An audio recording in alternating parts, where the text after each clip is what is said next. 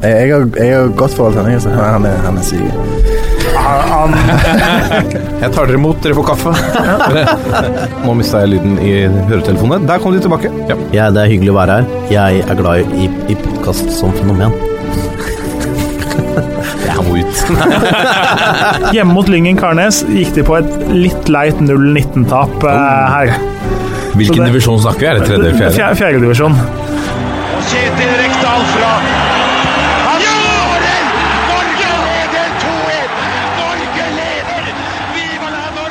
Og der er uh, toppfotball tilbake igjen. Det lakker og lir mot uh, høst. Uh, det skal sparkes uh, europaligafotball.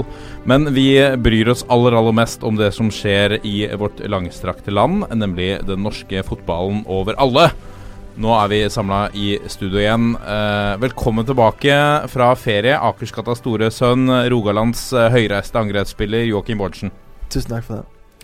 Eh, på Viking sine eh, internettsider så står det Joakim Bårdsen eh, fikk en, en treningskamp for Viking, og at du er en høyreist angrepsspiller. Du har vært inne og snoka det, ja. Jeg har vært inne og snoka det. Ja. det er ja. Det er ikke så veldig mye å skryte over det, så Men um, Føler du deg høyreist? Høyreist er høyreist. Um, 1,87 uh, sier, sier jeg sjøl at jeg er. Tror det, det, det som står i passet. Altså, jeg tror jeg er sånn 1,86 uh, hvis du måler. Ja, riktig. Mm. Godt å ha deg tilbake. Du har, vært, eh, tilbake. du har vært i eh, det amerikanske. Det har vært en liten tur i USA, ja. Ja. Hvordan, eh, hvordan var det? Har du fått med deg noe idrett der borte? Mm, ikke så mye amerikansk idrett, men jeg har jo fulgt med på landslaget, og um, så er det jo uh, ei uke siden jeg kom hjem, så jeg har jo fått sett uh, eliteserierunden som var, så jeg føler meg rimelig godt oppdatert. Ja, vi eh, får ta med vår gode venn eh, på, ved din side også. Eh, han er tidligere, apropos amerikansk, tidligere running back i amerikansk fotball. og hobbyfisker og flyplassentusiast. Lasse Wangstein, velkommen. Ja, takk for det. takk for det Jeg Ikke running back, da. Hva, jeg tok en sjanse der. Var Ja. du quarterback? Nei, jeg var tight end og kicker. Mest ja. kicker. Stemmer det. Stemmer. Jævlig trøkk i skjegga, vet du. Ja. Men du, altså eh, Det har jo kommet noen eh, forespørsler til eh, denne denne e-postkassa vår, toppfotball.451.no, om at eh, Jørgen Kjernås må ta skjegget. Uh, Men istedenfor så var det du som gikk hen og barberte det. Ja, jeg misforsto. Ja, Jeg trodde vi skulle barbere oss. Stemmer. Så jeg har Det var en ny eh, greie vi hadde, liksom. ja, nå skal vi alle være clean shave. Nei, jeg har uh, stussa litt skjegg siden sist. Ja, Du ser jo ti år yngre ut. Uh, takk, tro Nei, jeg tror egentlig ikke det. Det skal Nei. ut igjen. Ja. Det skal vokse. Det skal bli litt fyldigere. Riktig. Men jeg er enig i at Kjernås sitt skjegg Det begynner å bli rimelig eh, Han har akkurat stussa det. Han har stussa. Ja. det siste bildet jeg så, eh, det er det siste jeg har sett av han. Mm. Um, siden vi ikke har møttes eh, ansikt til ansikt på en stund, så Og da så det rimelig langt ut. Altså, Vi snakka veldig mye om skjegget til Kjernås sist, og nå begynner vi igjen. Altså, Det blir snart en egen pod. Kan bli det. Jørgen Kjernås skjegg. Spalte. Ja, kanskje skjeggspalten til Jørgen. Ja, Det er greit. Apropos Kjernås. Det ble jo lansert et eh, fra, fra vår faste bidragsyter Nordlink på, på Twitter et folkekrav om å få eh, Kjernås og Kjernås i studio. En såkalt Kjernås spesial med Ja, Lars. Lars Kjernås og Jørgen Kjernås. Det hadde vært eh, vakkert. Jeg tror det er mange som hadde kost seg med den poden, men da tror jeg òg at eh, eh, de to skulle, skulle fått lov til å vært aleine. Bare de to. En far og Ja, sønn. jeg tror det hadde vært eh, nydelig. Bare hørt Ingen eh, ordstyrer? Ja, gjerne det kunne vært en ordstyrer, men eh, det hadde vært interessant å bare hørt hvordan den praten gikk mellom de to. Jeg kan se for meg at man måtte hatt noen for å, for å bare uh, fordele ordet. Ja, det, Når man setter i gang der, så tror jeg at de to kan skravle fælt om ball. det tror jeg. Jeg så Lars Kjernås meldte på Twitter som en respons at uh, han følte seg for gammel for denne, for denne fantastiske podden, og det er han jo absolutt ikke. Nei, nei. Men at han ikke skulle stikke under en stol at det, det var ikke så mye Paradise Hotel-samtaler på over middagsbordet i familien Kjernås. Det gikk nok mye ball. Ja. Så Men at- altså, han vil jo på langt nær være den eldste gjesten vi har hatt, hvis eh, Lars kommer. Ja, det, det er sant, faktisk. Vi har, Vi har- vi har hatt voksne gjester, vi. Absolutt. Uten at det er noe negativt med det. Så eh, vi må få til eh, Kjernås eh, spesial. Hvem er den eldste, da? Du har vært Ivar Hoff og Arne Skeie. Og vi har jo hatt Per Alvendal, og ikke minst Per Bredesen. Per Bredesen var Per vel Bredesen. den eldste gjesten vi har hatt. Ja. Ja. Er. Er. er den eldste Er, ja. gjesten. Ja. Eh, vet ikke om han har runda Han har runda 80. Ja, ja. Og, ja, ja. Han Dette- er vel eh, godt over 80. Ja. Eh, men en fantastisk gjest å ha eh, av eh, mange. Så vi får håpe da at familien Kjernås her gir etter for dette, for dette kravet. 87 år. Og til syv Blir 88 i desember. Det er, Det er voksent. vanvittig sprekt. Ja. I dagens sending skal vi selvfølgelig se nærmere på rundens øyeblikk. Vi skal ta for oss lytterspørsmål, som alltid gir en, en herlig liten Litt herlig krydder på, på sendinga. I Pulsen skal vi snakke om Lillestrøm, som nå er under streken. Skal det gå den gærne veien for kanarifuglene i år? I og med at vi har eh, en av Rogalands aller største sønner her, så må vi snakke om eh, Viking og Obos-ligaen. Eh, for nå er det tett, uh, Bårdsen. Det er ekstremt tett. Det har jo vært det stort sett hele sesongen, men eh, nå begynner det å dra seg skikkelig til. Ja. Vi har en liten sak. eh, vi, vi, vi er jo eh, Kan jo ikke ha en sending uten å ha noe fra, fra bredden. Da skal jeg bidra med noe i dag, i fravær av Gjøring Jørgen Kjernås. Og mot slutten av sendingen skal vi selvfølgelig se nærmere på neste eliteserierunde. Dette er toppfotball. Da er vi kommet til rundens øyeblikk, hvor vi har trukket fram ett spesielt øyeblikk fra forrige runde i en eller annen liga. Eneste betingelse er at det har skjedd i norsk ball. Lasse Wangstein, hvor skal vi nå? Du, vi drar til Haugesund, da. Ja. Ja, for der var jo eh, Brann på besøk på lørdag til en eh, utsolgt kamp. Eh, 1500 Brann-supportere var der. Eh, kjempestemning. Eh, morsom fotballkamp. Eh, og øyeblikket er jo skåringen til Kristoffer Barmen, eh, hvor han eh, køler den oppi hørnene der. Og det er jo som folk sier, det er jo alltid ledig i krysset. Eh, og det, det er jeg føler den skåringa på en måte sementerte kampen, selvfølgelig. Men så er det også et bevis på at eh, Brann har ikke tenkt å gi seg i denne gullkampen. De har ikke tenkt å på en måte legge seg ned og si at Rosenborg har tatt det, selv om de er to poeng foran. Her er det fortsatt kamp, og det, forhåpentligvis da så blir det kamp hele tiden. Og så var det prikken over i-en eh, på en fantastisk eh, eh, kamp for eh, Brann. En toppmatch i Eliteserien. Eh, det begynner å bli høst. Mm. eh, du merker at det er mye som står på spill, og, så køler han inn eh, 3-0 der og avgjør eh, kampen på eh, fantastisk vis. Og det, det er så deilig når du merker at det, det er så mye som står på spill hvert poeng her kan bli avgjørende. Og vi kommer jo til å komme tilbake til Rosenborg seinere, men sant, der uh, tar de to ekstra poeng på, på overtid, og, og det kan fort bli avgjørende i, gull, gullkampen. Så er det noe med det at uh, den kampen her var jo viktig for Brann. Én selvfølgelig for gullkampen, men to også for å holde Haugesund på ar- armlengdes avstand. Nå er, nå er gullkampen mellom to lag. Hadde Haugesund vunnet den kampen her, så kunne du sagt at de kunne meldt seg på, men da, da tror jeg det hadde blitt verre for noen av de å ta igjen Rosenborg. Så nå har du en reell gullkamp, og så har du en reell medaljekamp. Og så selvfølgelig, som vi også skal innom senere, det er en helt reell eh, kamp om å unngå nedrykk. Så Eliteserien lever eh, voldsomt bra nå, altså. Ja, Det er gøy. absolutt. Jeg for min del, eh, Det har jo vært mange som har snakket om, om at Brann kan ta gull. Jeg har vel egentlig aldri trodd på det før etter denne kampen. For jeg tenkte at her snub... Hæ? Ikke?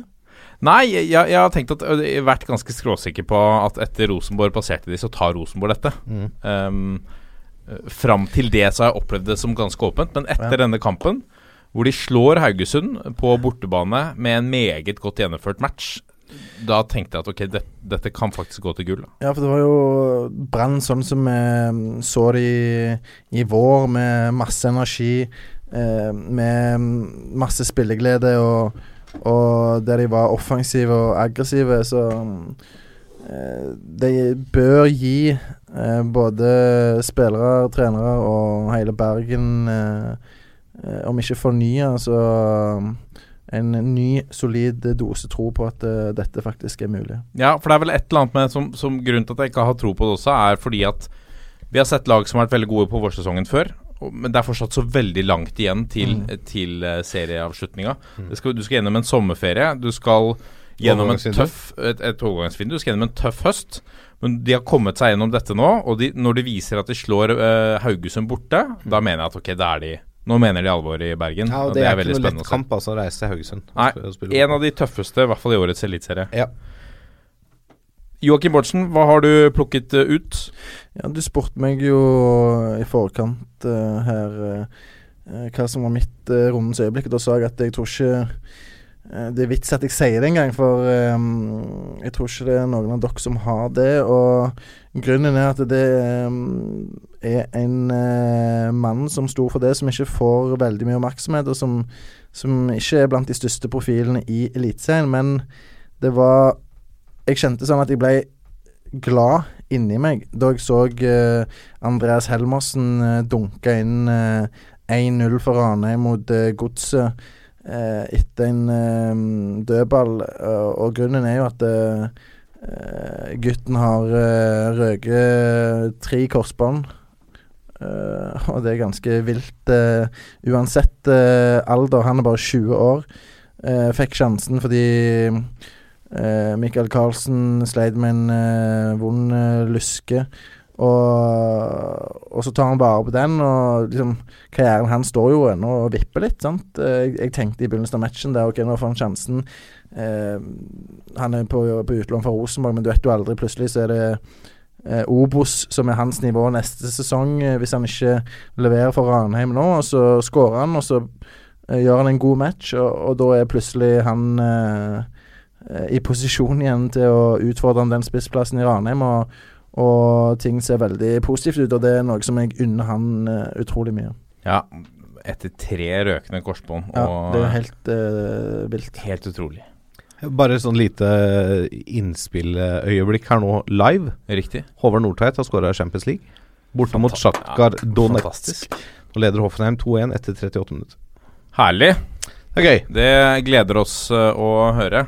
Jeg har plukka ut uh, Adeleke Akniemi sitt eh, fantastiske mål eh, hjemme for Start mot Lillestrøm. I bunnkampen, sekspoengsoppgjøret på Sør Arena i Kristiansand. Måten han eh, snurrer rundt, kjører god gammeldags karusell med Lillestrøm-forsvaret der etter fem minutter og sender Start i, i ledelsen. Helt utrolig. Og måten han feirer på, eh, både på banen, men også i etterkant, hvor han eh, ganske freidig sier at han, hans mål er å bli verdens beste spiller. Ja, altså, I hvert fall hvis du er verdens beste spiller i Start, da må du snurre rundt med Lillestrøm.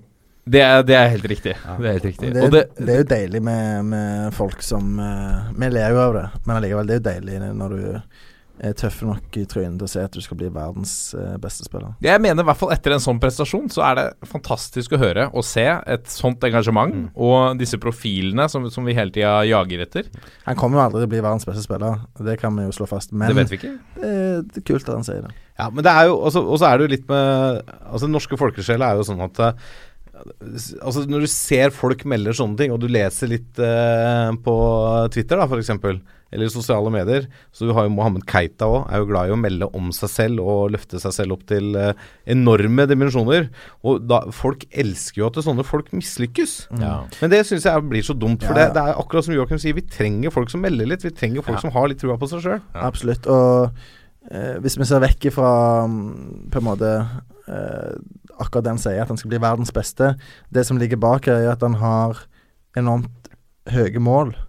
Og det er jo noe som kan ta han langt, fordi han kommer aldri til å være fornøyd med å uh, skåre 10-12 mål for Start i Eliteserien. Han vil bli veldig, veldig god, Mm. og derfor uh, kommer han mest sannsynlig til å jobbe hardt uh, på hver trening og, og i hver match, og det er det som må til hvis du skal ta steg. Ja, absolutt. Og en eh, Og der er det jo en del andre spillere som har en del henta. Eh, vil jeg påstå. Ikke bare på toppnivå, men sant, i ungdomsfotballen òg. At det, du må sette deg sjøl høye mål og, og, og ta konsekvensene av det. Sant? Hvis du er fornøyd med å, å spille i, i andredivisjon, så, så blir du maks en andredivisjonsspiller. Ja, og det å sette sånne mål Vi, vi, vi har hørt spillere, norske spillere som har gjort det bra internasjonalt. Jon Arne Riise har sagt at han har en del av strategien hans, taktikken hans for å pushe seg selv, har vært å hele tiden melde offentlig. Slik at uh, i frykten for ydmykelse, så, så har han pusha seg selv for å kunne oppnå de målene han, uh, han ønsker og har satt seg selv. Det kan være en god uh, strategi, det. Og så er det jo andre som Som ikke vil avsløre sine resultatmål.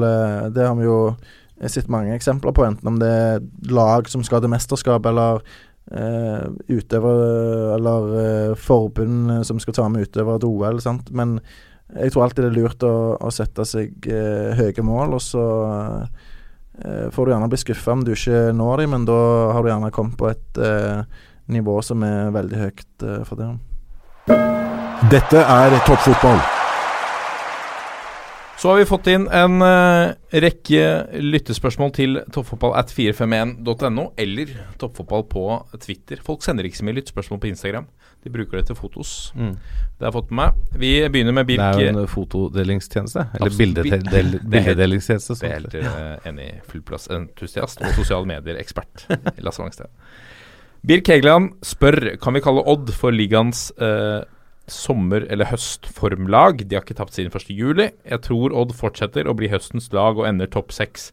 Uenig? Ja, Wangstein, du tror sikkert Vålerenga ender foran, men blir nok midt på tabellen, som alltid. Ja, hva sier dere? Tror dere Odd blir høstens store formlag og tar en topp Ja, de seks-plassering? de kan fort bli det. Og jeg, jeg er jo helt enig i at de er et av de store formlagene akkurat nå, sammen med Rosenborg, som vel ikke har tapt på ni kamper eller åt, ja, noe sånt. Eh, Odd har funnet formen. Nå skal det sies at de har ikke tapt på syv kamper, og fire av de er endt uavgjort. Men det er allikevel en styrke å ikke tape fotballkamper. De slipper inn lite mål. Ehm, så ikke, jeg utelukker ikke at Odd kan fortsette den formen utover høsten og melde seg på i kampen om topp seks. Nå hørte jeg på en eh, annen podkast tidligere i dag, uh, som leveres av Eurosport uh, Norge. Eh, og da hadde Christian Gauseth vært nede og besøkt eh, Elbasan Rashani. Og han hadde sagt at nå har vi begynt å tenke på medaljer, hadde han meldt da. Oh, sann. Åtte poeng opp til Haugesund. Det, poeng, det det, er- virker jo litt eh, tyngre enn en, en, Ja, eh, Men topp igjen, seks-plass. melder, da. Ja, ja, det er greit, det. Og, og, det, og det er lov. Men um, topp seks er jo er jo eh, fullt innenfor uh, rekkevidde, det. Det er jo bare tre poeng opp til Vålerenga, så det kan de fint klare. Ja, og det, og det kan du jo Det, det jafset kan du jo ta allerede nå på lørdag, for da møtes Odd og Vålerenga i Skien. Da kan uh, Odd være av poeng med Vålerenga og foran på tabellen på målforskjell. Eh, så det, altså det Jeg utelukker ikke verken at øh, Odd kommer topp seks, eller at de kommer foran Vålerenga på tabellen. Det er kun eh, Rosenborg, Brann og Haugesund som har sluppet inn færre mål. Um, Haugesund A mm, har sluppet inn like mange som, som, som Odd. De skårer jo til og med litt også i Skien. Det er selvfølgelig alle poengene mine til rundens preview tatt da i den diskusjonen her, ikke men det, det får være. Men, men Med målforskjell og form òg. Ja, ikke sant. Men, men, de, men de skårer jo også mål, til forskjell fra i fjor. Og de kom jo veldig langt i fjor med å nesten ikke putte. Ja, de skårer litt mer jevnt og trutt i år, de gjør det. Det er klart, uh, enda et poeng da fra previewen. Når du har en høyreback som står med seks mål så langt i sesongen, det er voksent. Det er, ja, det må vi si er veldig bra. Ja. Og Espen Ruud har på en eller annen måte kommet tilbake. Han hadde jo en litt skuffende sesong, for hvert fall for mange som hadde han på Fantasy i, i fjor, etter den fantastiske 2016-sesongen han hadde. Mm. Så, og den uh, scoringen nå, det kommer kanskje du tilbake også, til oss. mulig. Nå tar vi alle poengene dine her. Men den scoringen, det, må vi kunne si, den scoringen nå eh, Du tenker på den når eh, Amin Asker eh, yes. står eh, ved rett stolpe, men allikevel ikke klarer å heade den ut. Står der han skal stå, Ja, gjør det han skal Jeg, gjør det. Så kan, Asker kan ikke lastes heller. Så det sier litt om sette- eh, frisparket. Du må sette en høyere spiller med bedre spenst der, da. Jeg, jeg, tror ikke det, jeg tror ikke det står på spensten. Der skal, den tror jeg er rimelig bra, men, eh, men eh, det er jo Espen Ruud sin spesialitet, og, og han er en herlig spiller, syns jeg. Eh, Hadde mange gode landskamper òg i sin tid, så um, det, Det er, det er så godt satt. Det er så godt er herlig. Ja, ja, det er eh, europeisk klasse, må, må kunne si det. definitivt- Og det er gøy, da. Den høyrefoten hans er definitivt Ja. europeisk klasse. Det er gøy, da, for at etter eh, forrige runde, før landslags- Eller før eliteseriepausen, eh, så var det jo mange som meldte at eh, Altså Bård Finne har vel, eh, kan, og sammen med Eirik Ulland Andersen, må jo ha eliteseriens beste frisparkfot. Og da i den, etter den runden her så ble det jo da meldt i oppsummeringa på eh, nevnte Eurosport at eh, ja, Espen Ruud har sannsynligvis eliteseriens beste frisparkfot. Så det går jo litt Varierer sånn veldig. Varierer litt, da. Men det, det De er er tre, alle bra, de du nevner, da. tre spillere som har ålreit uh, frisparkføtter. Ja. Asker òg skal faktisk få lov til å blande seg inn i den diskusjonen. Absolutt. Vi skal ikke glemme det. Han Nei, det er mange som har det. vår. Men eh, personlig ville jeg nok eh, holdt en knapp på Ulland Andersen. Da. Ja, Men, men alle. Holder meget høyt nivå. Men når vi ser, apropos da, eh, før vi, før vi slipper den Aminaska står på, på eh, målstreken der. Jeg trodde du skulle si at han sto i bilen jeg og tok imot en unge nå, men, eh, men ja, for, Ja, det har han jo også gjort, ja. Han har blitt pappa, vet du. Gratulerer. Ja, ja, gratulerer til Fødte Aminaska. i bil. Jo, jeg måtte jo stoppe, stoppe bilen ved siden av veien og ta imot en unge her. Det er jo helt nydelig. Det er jo helt fantastisk. Den gutten har kvaliteter. Han har mange skjulte talenter. Ja. Men når man har sett da Nå har vi sett han uh, dunke inn i frispark på frispark, Espen Ruud. Bør ikke norske klubber lære av dette og vite hva, Det er jo ikke så mye å lære, da, bortsett fra å Sette de høyeste du har på, på men, men, men, det, men det er ikke alltid det det lureste heller, å sette folk på streken på et frispark fra 20 meter, Fordi da opphever du offsiden, og det er mulig, og da kan Odd, bak uh, Odd kjøre noen andre trekk og sånn, og sårbar for retur og sånn, men det som gjelder da når du møter Odd, at eh, Må ikke gi bort frispark. du må ikke gi vekk frispark i, i farlig eh, posisjon, Fordi da er sjansen veldig mye høyere for at det blir mål enn mot mange andre lag. Altså Sånne typer frispark som uh, Espen Ruud gjør der, som Eirik Ulland Andersen har gjort mange ganger, som Bård Finne gjorde på, Påråsen, de er nesten umulig å forsvare seg mot når du klarer å få den rundt eller over muren, og få den til å duppe akkurat riktig, som går rett under tverrleggeren, helt opp i vinkelen. Det er, altså det er ja, Nei, det er nesten umulig å forsvare seg mot, faktisk. Ja. Det er så godt utført. Det er, det er så presist og så høy klasse. Vi går videre til et spørsmål fra Benjamin Sayers, som lurer på om det Marius Amundsen gjør mot start i Lillestrøm-forsvaret, er er det det dårligste en spiller har gjort i Eliteserien i år? 15 minutter med, ba med bare ræva, sier han. Uh, Tydelig frustrert, denne Sears. Ja, jeg skjønner det, og Det er nok helt oppi der, om vi ikke skal slå fast at det, det er det, det dårligste. Men uh, han hadde en uh, tung uh, dag på jobben, det kan vi slå fast. Og Ola Hobber Nilsen han viser jo ut feil Eller Ja, han viser jo ut feil mann til å begynne med der, men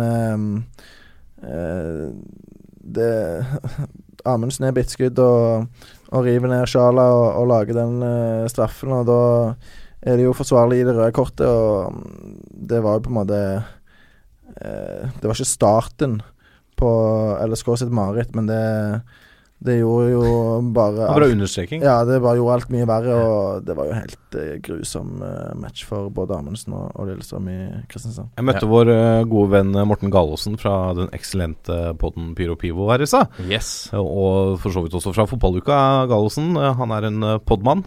Tidligere talsmann i Kanarifansen. Ja, og veldig glad i Lillestrøm. Han eh, me meldte at Amundsen eh, hadde tre graverende feil i den ene situasjonen. Han dreit seg ut tre ganger i samme situasjon, mente han. Mm. Så da, da har du ikke en god dag på jobben, da. Nei. Så det, det kan nok hende at det er bortimot det dårligste som er levert i årets eliteserie på et kvarter. Vi tar et spørsmål fra Vegard Bjørgå, som lurer på om eh, Lurer på. Han eh, ønsker at vi skal snakke litt om effekten av trenerbyttene. Tre av fem bunnlag eh, hvor han eh, opplyser om at det er omtrent status quo. Er det noen fotballstyrer her som har overvurdert kvaliteten på spillerstallen og, og tenkt at eh, her vil et trenerbytte ha større effekt enn det har gitt? Og så er det jo denne oversikten her, han legger med den oversikten fra Eurosport som de gikk gjennom i, eh, i sendingen i fotballrunden med eh, Rekdal, Sifuentes, BP, Ingebrigtsen, Jørgen Lennartson og Henning Berg. Mm. Og poengsnittet før og etter. Det er bare Rekdal her som har Altså, eh, man kan vise til som har den, eh, den store forskjellen av et trenerbytte. Ja, øh, og det kan nok hende at noen overvurderer spillerstallene sine. Øh, og, men så er det alltid sånn at det, av og til så får du effekt av et trenerbytte. Men det er ikke sikkert den effekten blir like stor da når fem av seks av de du kjemper om å unngå nedrykk mot, gjør det samme. Eh, da kan det hende at den effekten jevner seg litt ut. Og da var det vel eh, Martin Bjørnbakk, eh, denne fantastiske Glimt-stopperen og kapteinen som var i studio der, og de har jo ikke bytta trener og bare kjørt på og fått en luke til nedrykksstriden. Uh, så Jeg, jeg savner òg uh, Rini Coolen inne i bildet Ja, her. ja, Kåre ja. Ingebrigtsen har jo òg fått sparken, så jeg har ikke det poengsnittet til Ingebrigtsen. Men i han, Men han har vel ikke tapt i i serien, Kulen? Nei, han har gjort det veldig bra. Ja. Uh, men Det handler jo ikke alltid bare om uh, kvaliteten på spillergruppa isolert sett. Det handler jo om at uh, klubbledelsen eh, føler at det, det må en endring til. Uh, det trenger ikke nødvendigvis være at eh, treneren er, er dårlig. Eh, og det ser vi jo eh, eksempler på eh, når trenerne finner seg jo nye jobber i andre steder og, og lykkes. Eh, eh, F.eks. Mark Dempsey som gikk til Kongsvinger og, og fikk en eh, Eller har fått en, en kjempeopptur der. Og, og um, når ledelsen føler at de må gjøre grep, så, så gjør de det. Og, og da er det veldig mange faktorer som, som spiller inn. Og nå har Rekdal uh, uh, gjort det best på, på den lista av navn som er nevnt her, med uh, 0,72 eh, poeng eh, høyere i snitt per match, som er, som er veldig bra. Eh, så kan vi jo spørre oss hvorfor Henning Berg f.eks. Eh, har et negativt eh, poengsnitt eh, sammenlignet med, med Tony Ordinas i Stabæk. Og, og det kan være tilfeldigheter, det kan være tøffere med kampprogram, det kan være eh, flere skader på sentrale spillere, men det er veldig mye som spiller inn. Men sånn som Henning Berg da i Stabæk eh, Han er jo i ferd med å skape et mer solid eh, fundament der, sånn som jeg ser det.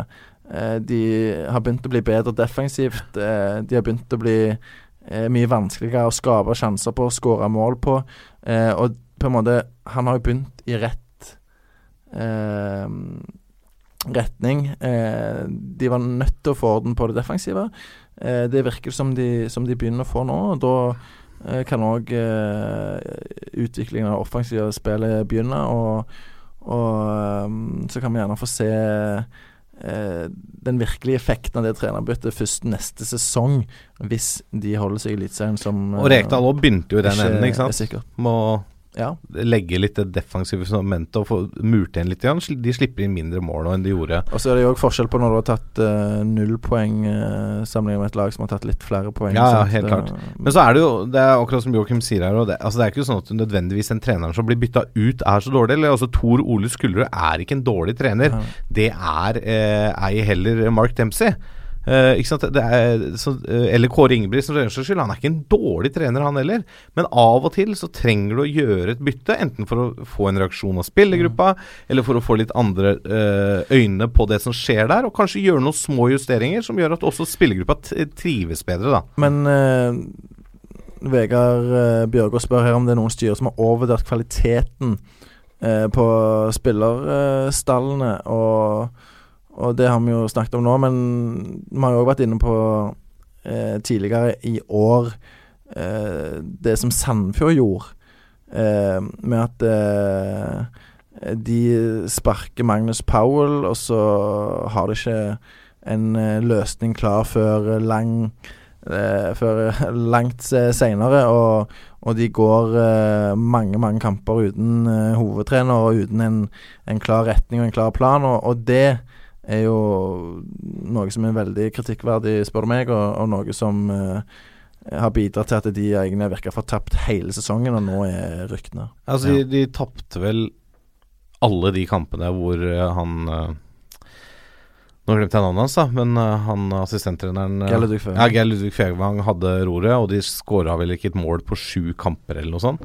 Altså det er klart, den perioden der, når du begynner å summere opp årets eliteseriesesong i de kampene, Noen av de kampene burde de vunnet. Ja, Sandefjord kan bare takke seg sjøl. Ja, De kan bare takke seg sjøl, og det er ikke bare trenerne sine feil at de har havna der de har gjort. De burde tatt Når de først tok det grepet med Magnus Powell, så burde de hatt inn en ny mann som de skulle ha og satse på resten av sesongen, mye, mye tidligere.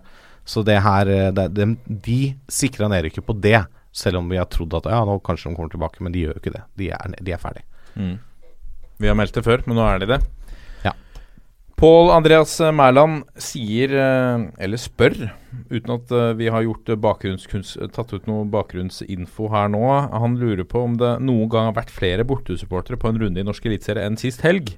Brann hadde 1500-2000 mann i Haugesund, Rosenborg 2000-3000 i Oslo og Kristiansund ca. 1000 i Molde. Vi har jo ikke henta ut det, det spørs, Spørsmålet kommer rett før vi gikk i, uh, i studio. Ja, men vi kan vel konkludere med at uh, det var ekstremt bra oppmøte på veldig mange kamper av bortsupporterne, og det er jo det som uh, er deilig å se, fordi det betyr så mye for rammen Mm. rundt matchene og for produktet norsk fotball. Det er akkurat dette her vi har snakket om før.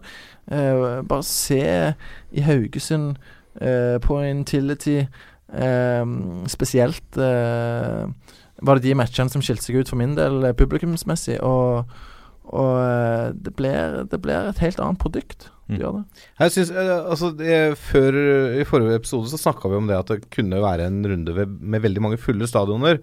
Nå ble det jo ikke like mange i Kristiansand som man kanskje hadde håpa, for at det var ordentlig drittvær. Det bøtta ned der nede. Så det er sikkert en del av de som hadde kjøpt billett til en krone som ikke kom. Eh, og så syns jeg det var litt skuffende oppmøte til lokaloppgjøret i Molde. Eh, men da kan du si ok, det er mandagskamp. Det kan selvfølgelig ha spilt en rolle. Kanskje hadde det vært flere om den hadde blitt spilt på søndag klokka seks. Men det er jo sånn eh, fotballen settes opp. Men allikevel eh, veldig gøy å se så mye folk på så mange stadioner. Men det er mandagskamp uh, Argumentet kjøper ikke jeg. eh, ikke, for din, ikke for din del nå, Nei. ikke det jeg mener, men det er jo veldig mange eh, som bruker dette mandagskampargumentet, og at eh, mandagskamper er noe dritt og sånn, men jeg syns jo mandagskamper er helt nydelig. Det er jo ingenting som er kjekkere å se, egentlig, enn en mandagskamp. Og det blir alltid god stemning og, og god underholdning, nesten, eh, med, med flomlys og og, um, og, og gode kamper. Så, Spesielt i et lokaloppgjør så bør ikke det være noen hindring. Og, og jeg, tenkte, jeg tenkte det samme når jeg så den kampen, at det, det burde vært mer folk Ja. her. Og du har jo mulighet til å se en kamp lørdag, søndag og mandag. Ja. For de som ikke er som Jørgen Kjernås og nyter å se syv-åtte kamper uh, på en gang, Ja. Så er det litt ok å kunne For de som ikke klarer å se Ja. mer enn kanskje halvannen kamp. Og de som ønsker da å gå på stadion, i Ja. tillegg til å kanskje se noen matcher eh, på, på fjernsynet. Jeg er helt enig, det var kjempestemning i, i Molde også, selv om det ikke var så mye folk. Spesielt da mellom Flamur Kastrati og Vegard Forhund. De så ut som de var ordentlig glad i hverandre der. Men det liker jeg litt, da, for, Å, for, for, for å ta den litt. At at det smeller som pokker, og begge to, selv om pressen Jeg har selv prøvd å fyre opp Flamur Kastrati i pressesonen, og eh, nesten klarte det ved flere anledninger. Men, men eh, til tross for pressens forsøk på, på, på å fyre det litt, eller eh, snakke litt mer om forholdet Mm. mellom de to, så er de De er eh, Av banen så er de kompiser, eller de har god respekt for, for hverandre. Men så er det, står det skrevet litt i stjerna at de to barker sammen når det kommer på, på banen. Sånn skal det være. Veldig, veldig gøy. Ehm, Stian uh, Wangelsten eh, lurer på Eller han sier at det går mot en spennende avslutning i Eliteserien. Hvem rykker ned? Vi har allerede sendt eh, Vi har sendt Sandefjord ned. Ja, vi kan jo ta Jeg tror Lillestrøm går ned. Det har jeg sagt i et par måneder nå, vel. Og det er rett og slett fordi at eh, Jeg ser ikke den Hva skal jeg si Det er så mye som mangler der. Det, er for mye som mangler. De har ikke eh, De har ikke den eh, Verken det gode kollektivet eller de eh, gode enkeltspillerne som eh, som eh, skal gjøre at de holder seg. Jeg eh, vurderer både Stabæk og, og Godset som mye bedre lag. Og så kjemper de selvfølgelig da en intens kamp mot Start om en kvalikplass. Ehm, og, og det er det som er håpet deres nå, sånn som jeg ser det. Uh, det å, å ta den uh, kvalikplassen. For jeg tror både Stabæk, uh, som er ett poeng foran Lillestrøm, og, og A-poeng med start på kvalik, kommer å ha en bedre avslutning på sesongen. Og jeg tror òg Godset vil ha det som er fire poeng foran Lillestrøm på Altså, altså direkte nedrykk. Ja, Godset klarer seg, det er jeg enig i. Jeg er jo ikke enig med deg. Jeg, jeg tror Lillestrøm klarer seg. Hvorfor da? Eh, fordi jeg tenker nå har de egentlig hatt en dårlig periode siden ja, 16. mai. De har vunnet én kamp, og det var borte mot Sandefjord. Men Lillestrøm har erfaringen. De har vært der nede så mange ganger. De vet hva som kreves på slutten av sesongen.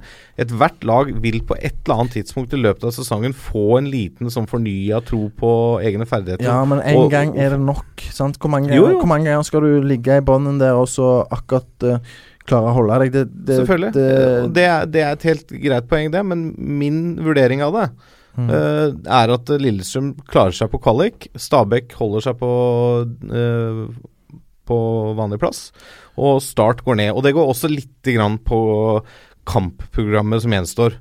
Lillestrøm har jo vel nå uh, to hjemmekamper på rad, blant annet, som blir ganske viktige. Um, de eh, Tromsø og Stabæk hjemme. Tromsø og Stabæk. De kan fort finne på å vinne begge de kampene, og da er, da er mye gjort. Ja, altså, eh, lagmessig så eh, Sammenlignet med Start, f.eks., selv om de gikk på en eh, smell der nå, så, eh, så er det jevnt. sant? Ja. Og, Og jeg vil nok påstå at eh, Jeg vet ikke om jeg vil si at eh, Lillestrøm har et bedre lag enn en Start på papiret, men allikevel nå, nå er jo Kevin Kabrani Start ute til november, det- sannsynligvis. det- Det, er en enorm svekkelse det, for Start. det, det er krise for Start. Men Børufsen er ute, andre kantspiller. Ja, men når jeg ser på det Lillestrøm-laget som uh, starta mot eh, Start, og da greit de mangla Thomas Lene Olsen og, Mm. og Frode Skippe, men allikevel Marko Maric. Mm. sant? Keeperen har vært et problem hele sesongen. Mm. Eh, da snakker vi eh, dårlig forhåndsarbeid, at de går inn i sesongen med to keepere som, som ikke er gode nok. Mm. Sant? Eh, så har du Mats Håkenstad, som er en helt eh, grei høyreback. eh, fysisk eh, meget bra. Og så er det taktisk eh, skorter det veldig til tider på plassering og, og, og valg. ikke mer enn det må være. Marius Amundsen har vi snakket om allerede. eh, utvist, eh, har vært skyld i, i mange mål. Antonijevic, eh, som vikarierte for eh, Skippe, har ikke vært i nærheten av noen ting. Eh, Kim Michaelsen eh, har òg vært veldig varierende. Veldig dårlig kamp mot eh, Start. Mel Galvis, Mel Galvis som eh, ble den store profilen eh, eh, forrige sesong med, med cupfinalen som en høydere, og, og ikke minst feiringen. etter Ja, helt cupfinalen. Ja, Han han, han har jeg sansen for, en bra spiller, men han har vært inn og ut av laget denne sesongen. Eh, de starter med Daniel Alexander Pedersen og, og Matthew og Brenden som, som de andre mippene. Eh, Matthew som, som skal være den beste der, men, men eh, bortsett fra han, så er det ingen av de andre heller som har levert. Du har Smaraton som har kommet inn som et veldig friskt pust. Eh, og så har du Knutson, som eh, mest sannsynlig mister helgens kamp nå, og, og er ferdig i Lillestrøm etter sesongen, på vei til Molde. Eh, eller klar for Molde. Liksom er, det er for tynt. Ja. Det, det er ikke godt nok. Ja, eh, det- og, og, for meg eh, eh, så tenker jeg gjerne det beste for Lillestrøm er å ta en sesong da i, i Obos eh, for å renske opp litt og for å eh, få satt en ny stamme i, i det laget der. Og selvfølgelig alle som, som er, er i Lillestrøm eller holder med Lillestrøm, vil jo se at eh, eh, ingen klubber har gått av rykka ned. Mm. Og nei, selvfølgelig har du isolert sett ikke det, men eh, akkurat nå så tror jeg eh, ikke det vil eh, være noen eh, eh, Noen ulempe med tanke på, på å starte litt på ny. liksom. da, da er vi uenige, og det er helt greit. Men jeg syns Lillestrøm har sett mye mer solide ut i det siste med eh, ankomsten til eh, Smarason og Daniel Pedersen. Jeg syns de har sett, eh, sett eh, altså, rett og slett mer ryddig ut enn de var tidligere. Og så ja, så har de ikke fått like mange seire som de kanskje burde få. Eh, og like mye resultater, men jeg mener fortsatt at med den erfaringa med å unngå nedrykk, og eh, at de har, jeg syns de har forsterka seg, så tror jeg de eh, klarer seg via kvalik. Etter de to kampene som du snakker om nå, da, som er hjemme mot uh, Tromsø, og så har de jo Bryne hjemme i cupen, deretter venter Stabæk, som er jo en, en sekspoengsmatch. Ja, ja. Så følger det uh, Brann borte, Rosenborg hjemme og Ranheim borte. Så det er noe eh, Altså, de er ikke enkle De er ikke inne i en enkel periode, Lillestrøm. Uh, hvis man ser opp mot uh, Det er ingen av de lagene på, på i bunnstriden der som har noen enkle oppgjør. Start også skal møte både Vålerenga, Molde, Rosenborg, Haugesund uh, før de kan gjøre opp status. Ja, du skal til. Glimt nå i neste. Yes. Så jeg, jeg syns. Start har den vanskeligste Vanskeligste terminlista igjen. Eh, og mista, mista Kavran, som nevnt, så tror jeg de dessverre ryker ned. Men vi, eh, la oss holde oss litt på det, på det utspillet da, som, som noen ø, ø, Noen enkelte gang kom med, og som sikkert kom med da Viking rykka ned òg. At det kan være godt for Viking å ta en tur ned Mm. for å starte litt fra nytt. Og så ser vi senest i dag Arne Skeie går ut og sier at det, er noe forbanna tøv. Um, hvordan hvordan har det vært for eh, Viking? Du følger jo den klubben tett, eh, Joakim. Har de hatt godt av å ha hatt et år nede? Føler du at entusiasmen er litt på vei tilbake, sånn at de kommer tilbake til Eliteserien sterkere enn da de rykka ned? Jeg føler definitivt at entusiasmen er, er tilbake. Engasjementet er ikke så stort i byen eh, som det har vært på eh, sitt beste, naturlig nok. På en måte Fanskaren er mindre, men fanskaren er mer entusiastisk enn han har vært på lenge. Eh, nå var jo Viking et veldig spesielt tilfelle i og med at eh, klubben eh, sto branden av konkurs, og, og økonomien eh, var helt skakkjørt. Eh, eh, det ser eh, litt bedre ut i, i Lillestrøm eh, sånn sett. eh, men eh, bortsett fra eh, den cupfinaletriumfen til Lillestrøm eh, forrige sesong, så eh, har det vært noe eh, traust og, og kjedelig og, og grått eh, over eh, det laget der nå eh, ganske lenge. Og, og um, nå prøvde de å, å, å snu ting og, mm, finne tilbake til klubbidentiteten ved å hente inn Arne Erlandsen. Eh, det så ut som de var på vei mot eh, å lykkes eh, med det grepet der, og så endte det opp med at han fikk eh, sparken og, og rettmessig eh, så. Eh, men eh, jeg, jeg tror ikke at det, eh, det vil eh, være krise for Lillestrøm eh, på lang sikt å, å ta en eh, sesong i Obos-ligaen. Vi tar med oss et spørsmål fra Jon Kleiven, som lurer på om det er på tide at Alexander Søderlund benkes i Rosenborg. Eh, nei, tenker jeg egentlig. Ok?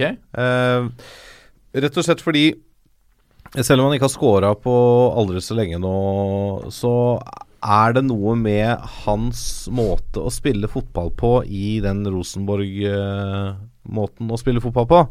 Han binder opp forsvarere. Han gir juling. Han uh, kommer inn i boks og denger på. Han, han er bra på dødball eh, begge veier. Han, eh, han skaffer rom for de andre. Eh, og jeg syns han gjør det på en annen måte enn eh, Niklas Bentner har gjort, vist i hvert fall i Eliteserien. Så blir det sp selvfølgelig spennende å se om han bør benkes når Bentner er frisk igjen. Da. Men eh, akkurat nå, hvis Bentner er ute, så syns jeg Sørlund skal fortsette å spille. Han har skåra seks mål så langt. Siste målet han skåra var 27. mai, Joakim. Ja, seks mål på, på 13 kamper fra start er det vel, og toppskårer i Rosenborg, faktisk. Bentner har fem mål, han, og vært iskald stort sett uh, hele sesongen. Men uh, det som er det beste med Alexander Søderlund, sånn som jeg ser det, det er jo litt av det som, som Lasse er inne på her, men det som han kan bidra med uh, som en midtspiss i 4-3-3, det er jo eh, noe av det som eh, tidvis har vært en mangelvare i Rosenborg denne sesongen, og det er presspillet. Forsvarerjobben, da. Ja, der som uh, den signalspilleren som, som uh, setter standarden, uh, som han først og fremst gjorde i den hjemmematchen mot Molde, som er en av de beste eliteseriekampene denne sesongen, og der han var fantastisk og viste på en måte en eh, kopi av måten han opptrådte på i forrige periode han var i Rosenborg. Og mm, det får du ikke med Niklas Bentner. Det får du med Alexander Søderlund. Mm. Han drar med seg hele laget. Han øh, gjør det vanskeligere for motstanderen å øh, spille seg ut bakover hvis de ønsker det. Han øh, gjør at øh, Rosenborg kan stå mye høyere med laget fordi at presset hans er så ekstremt bra Mm. at han stresser motstanderen så mye at det blir vanskeligere for de å, å spille seg gjennom eh, lagdelen Rosenborg. Eh, noe som selvfølgelig er krise når det står høyt, hvis det skjer. Eh, så jeg føler Søderlund er undervurdert som spiss totalt sett av mange. Eh, men eh, da må han òg bli brukt eh, på rett måte eh, hvis han skal mm, få ut eh, eh, potensialet sitt. eh, for han er ikke noen eh, eh, feinschmecker. Eh, han er ekstremt god på det han er god på. Mm. uh, og da må bare Rosenborg være bevisst eh, på de styrkene hans eh, når de bruker han. Nå kommer pulsen. Da er vi kommet til pulsen, og i pulsen skal vi snakke om uh, Obos-ligaen. Vi har allerede toucha innpå det med Viking Joakim. Nå eh, satte de inn en viktig skåring to minutter for slutt mot Notodden. Det sørga for fortsatt spenning i toppen. Det er syv runder igjen, og det er tett som pokker. Vi har tidligere allerede krona Ålesund som, eh, som eh, nesten seriemester i Obos-ligaen, men nå er det flere som har meldt seg på. Det er bare tre poeng ned til både Mjøndalen og Viking for, for Ålesund. Kan de miste denne førsteplassen? Nei, jeg, jeg, jeg tror ikke Ålesund mister opprykket. Jeg tror, jeg tror Ålesund virker såpass solide jevnt over at uh, Lars Bohinen kommer ikke til å la de rote bort det her.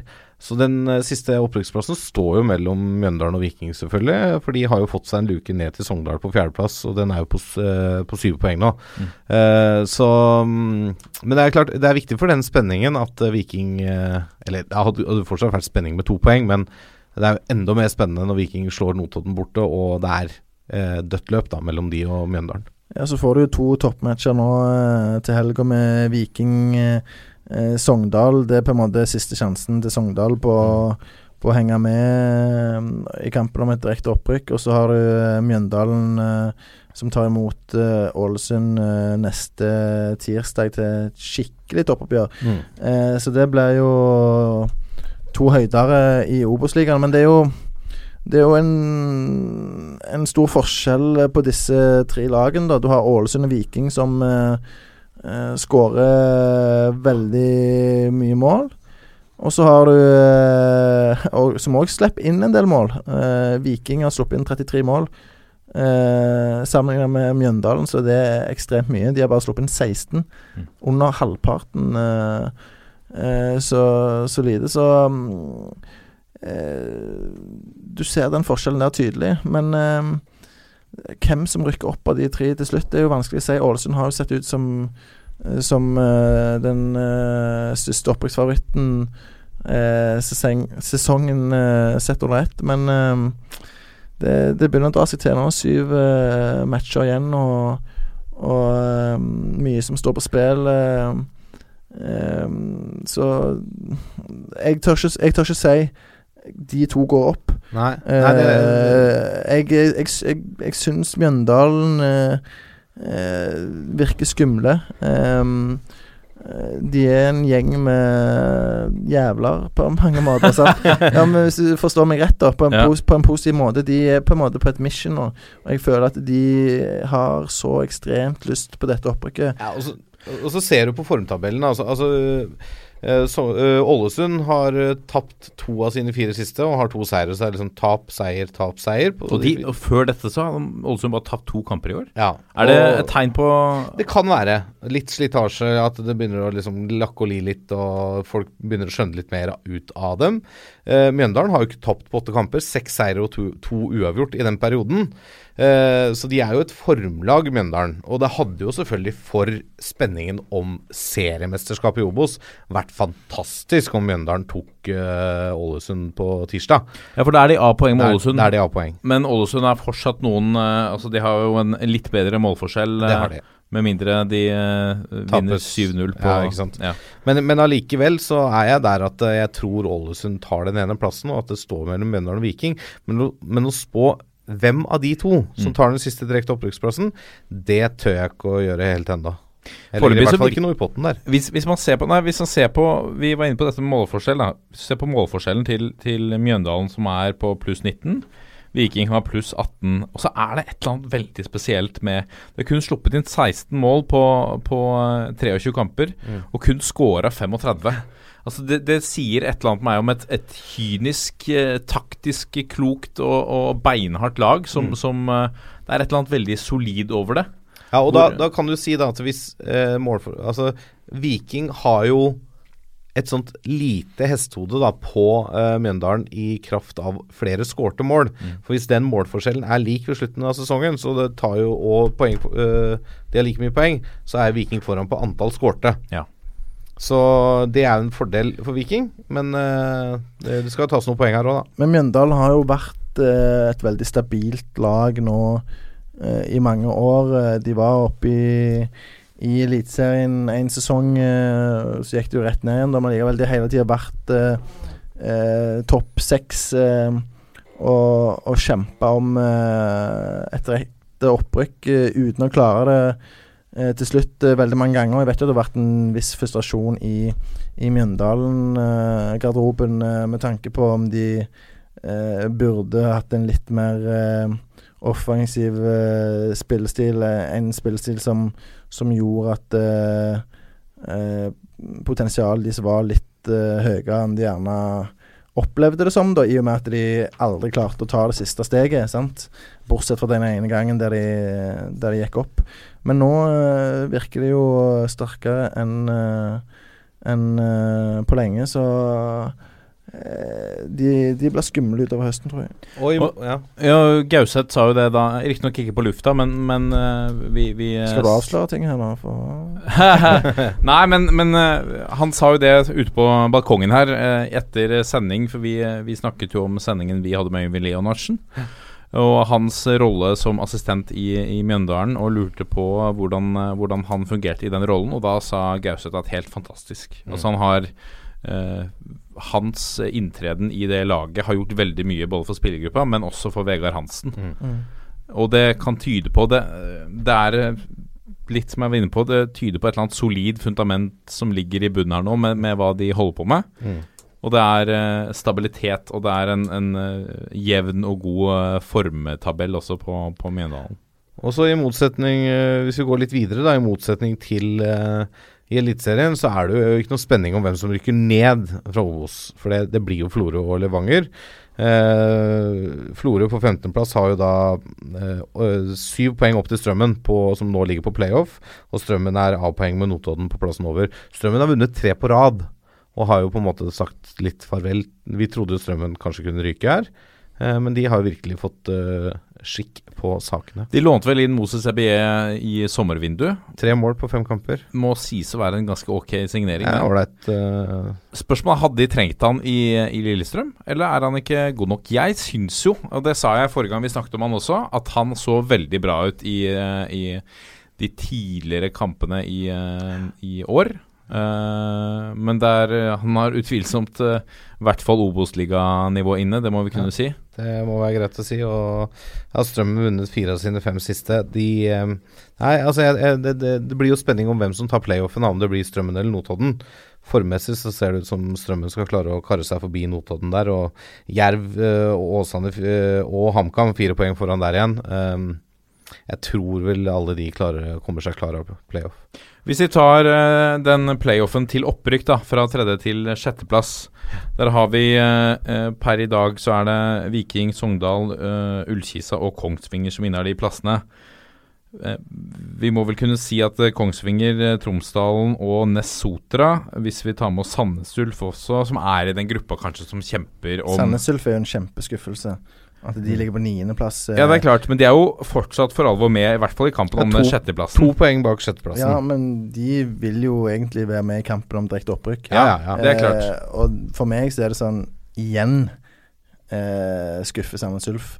Eh, nå eh, eh, har Bengt Sæternes eh, eh, fått eh, mange muligheter og, og ikke klart å, å ta det laget opp, så det spørs eh, eh, det spørs litt eh, hva som skjer der eh, etter sesongen, hvis ikke de skulle lykkes gjennom en å ta seg gjennom en playoff her nå. Men, eh, men eh, det er på en måte det som, eh, som skiller seg mest ut eh, for meg, sånn sett. Og så har du jo Kongsvinger som har fått en oppsving etter Mark Dempsey kom inn. Eh, eh, surt tap eh, bort mot Ålesund sist, etter å ha tatt ledelsen i den eh, matchen der. Men eh, Sogndal er seige. Uh, Ullskisa har eh, en del bra spillere. Uh, Kongsvinger har vi nevnt, så eh, det er ganske åpent i, i kampen om de playoff-plassene. Og, og Ullkisa er jo øh, morsomme. Altså Ja, De skårer jo nest flest mål i Obos. De har 50 skåringer, og så slipper de har sluppet inn 37. Eh, altså Jerv på tolvteplass har sluppet inn fem mål mindre enn Ullkisa. Så det å se Ullkisa-kamper for de som er glad i mål eh, på fotballarenaene, de, da må du se Ullkisa spille ball, altså. Ja. Det er spennende, i hvert fall i Obos-ligaen. Og som nevnt, følg med på, på eh, helgas toppkamper mellom Mjøndalen, Ålesund, og Viking og Sogndal. ting avgjøres ikke nå, men, eh, men i hvert fall det vi kan eh, si, da, at eh, Ålesund har en gyllen mulighet her til å ta et lite eh, Skape seg en liten luke. Mm. Og eh, Viking eh, har, for, har muligheten til å eh, bare en gang for alle si at Sogndal får ikke en direkte opprykksplass i år. Stemmer. Vi skal ta med oss en breddesak. Og Breddenytt levert av Martin Roppestad, altså. Ja, faktisk.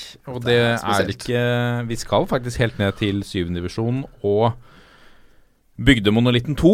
Et, eh, et eh, kjent lag for, eh, for, for noen.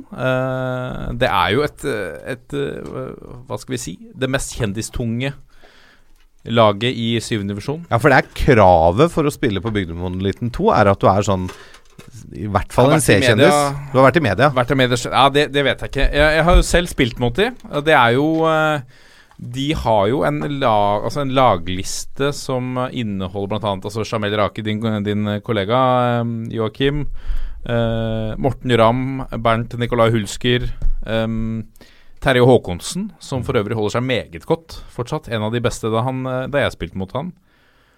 Vidar Riseth tror jeg Aksel hadde en trøya gjentatte ganger. Har ikke Martin Andresen vært innom der òg? det kan godt være.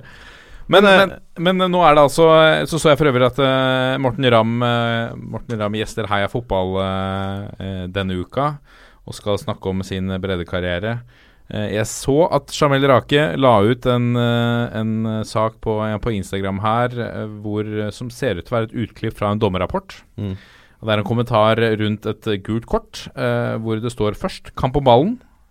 Eh, og spilleren fikk først en muntlig advarsel, og deretter en, en, uh, et gult kort. Uh, og i neste beskrivelse står det det, det tror jeg er etter at han har fått et nytt gult kort, altså rødt. Kalte spiller pikkhue, idiot og er du hjerneskada?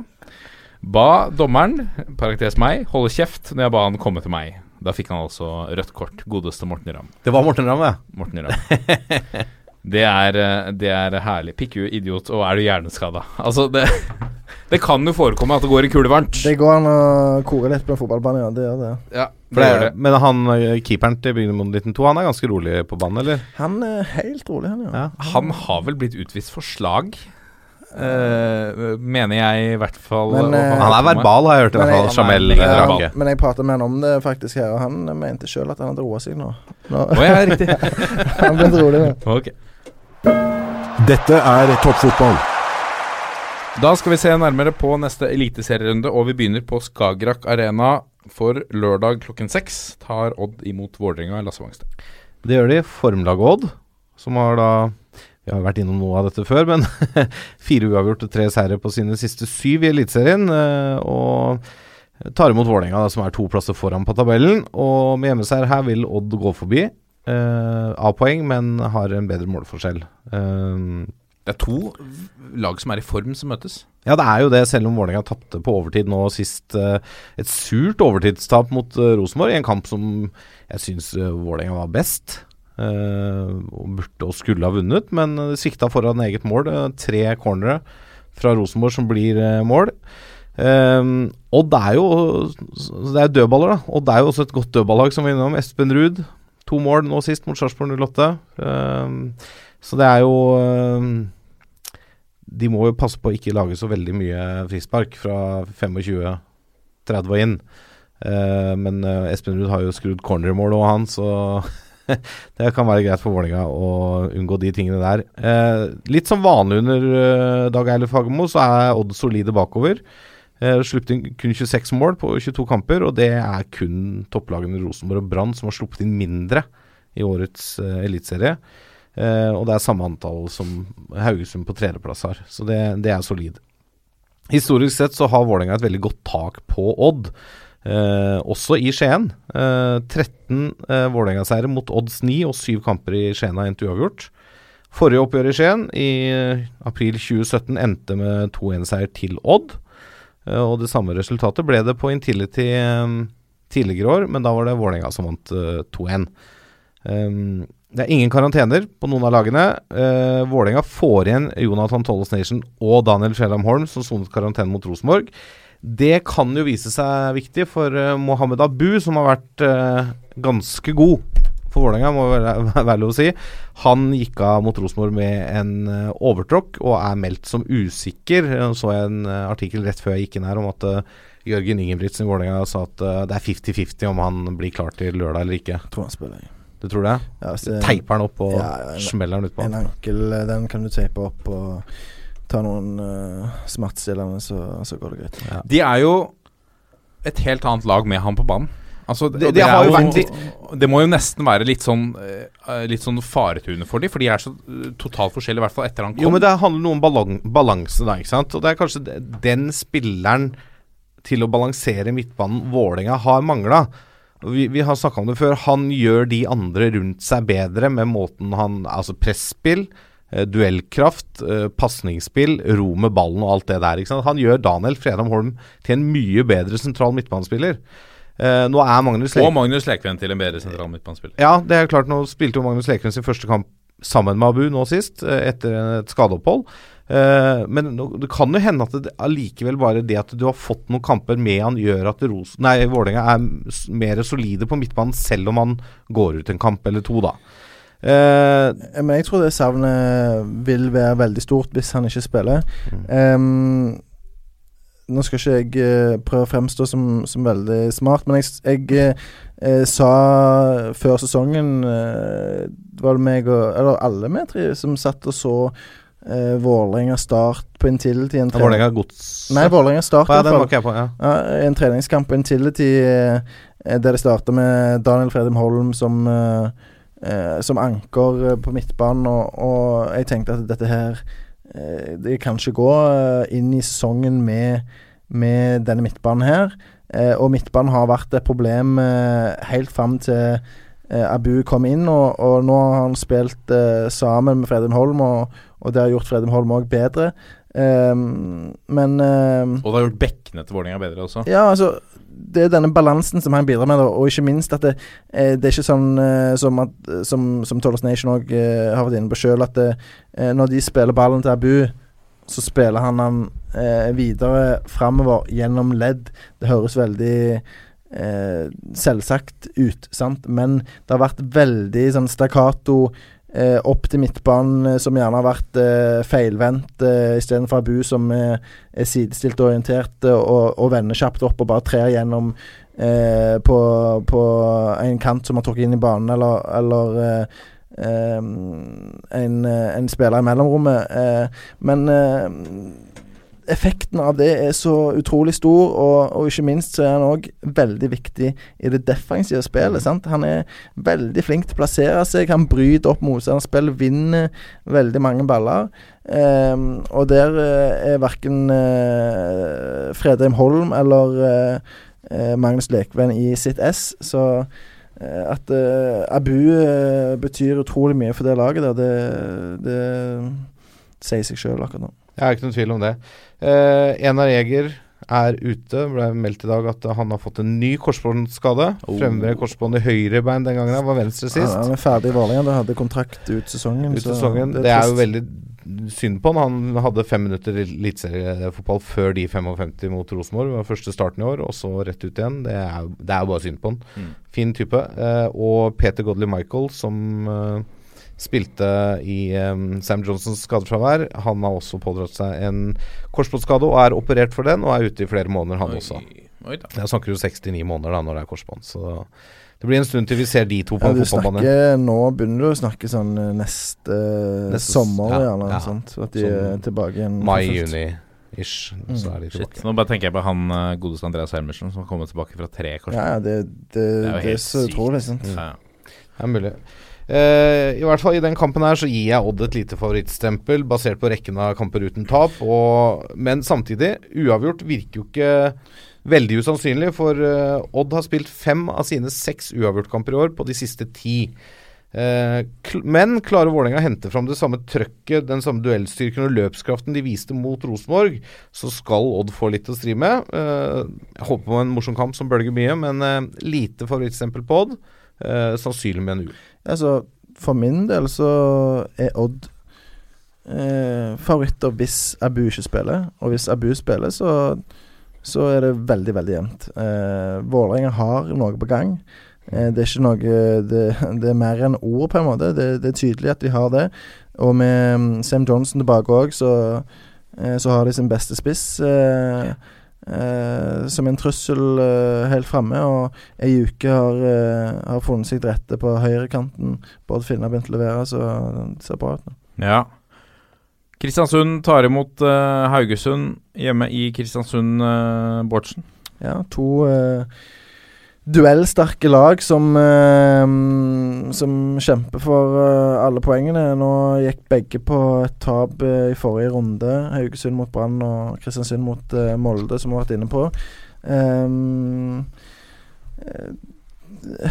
Kristiansund er er i utgangspunktet vanskelig å møte i Kristiansund, men Haugesund har vært så bra i år at eh, for meg så eh, Så er de favoritter. Jeg har ikke sjekka oddsen, eh, hvordan det ser ut der. Eh, jeg er ingen oddssetter, men eh, eh, Haugesund er, er veldig bra. Den største positive overraskelsen denne sesongen eh, for min del. Um, eh, så det blir en tett og jevn kamp, eh, garantert. Masse dueller. Men ehm, jeg tror uh, Haugesund tar tre poeng.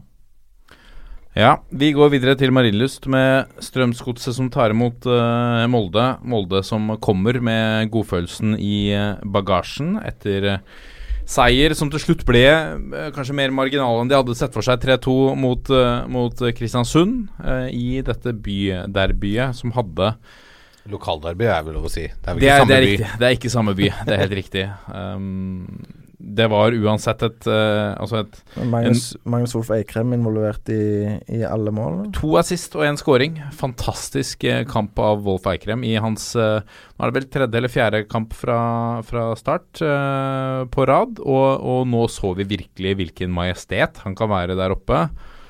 Jeg har hørt, vi har hørt også Christian Gauseth snakke om at når, når eh, Molde nå henter Wolf Eikrem tilbake, så tyder det på at nå mener de alvor. Og det er en sånn spiller som kan, kan virkelig utrette store ting her oppe. Det er nesten litt sånn overraskende at han tok turen hjem nå. Mange snakket om at han ville være ute litt til. Men vi er, må prise oss egentlig lykkelige som folk som er glad i Eliteserien, at han er tilbake når vi så den kampen mot Kristiansund. Han er jo på mange måter en sånn signalspiller for Molde. Ja. Lokal gutt. Eh, vært god der før, vært med å vinne der før.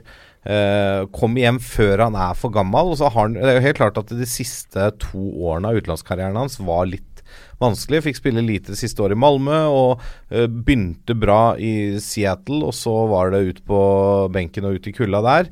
Uh, så det har ikke vært sånn kjempebra de siste åra, men viser jo helt klart at han er en fantastisk fotballspiller. Og han, han kommer til å løfte det Molde-laget bare videre.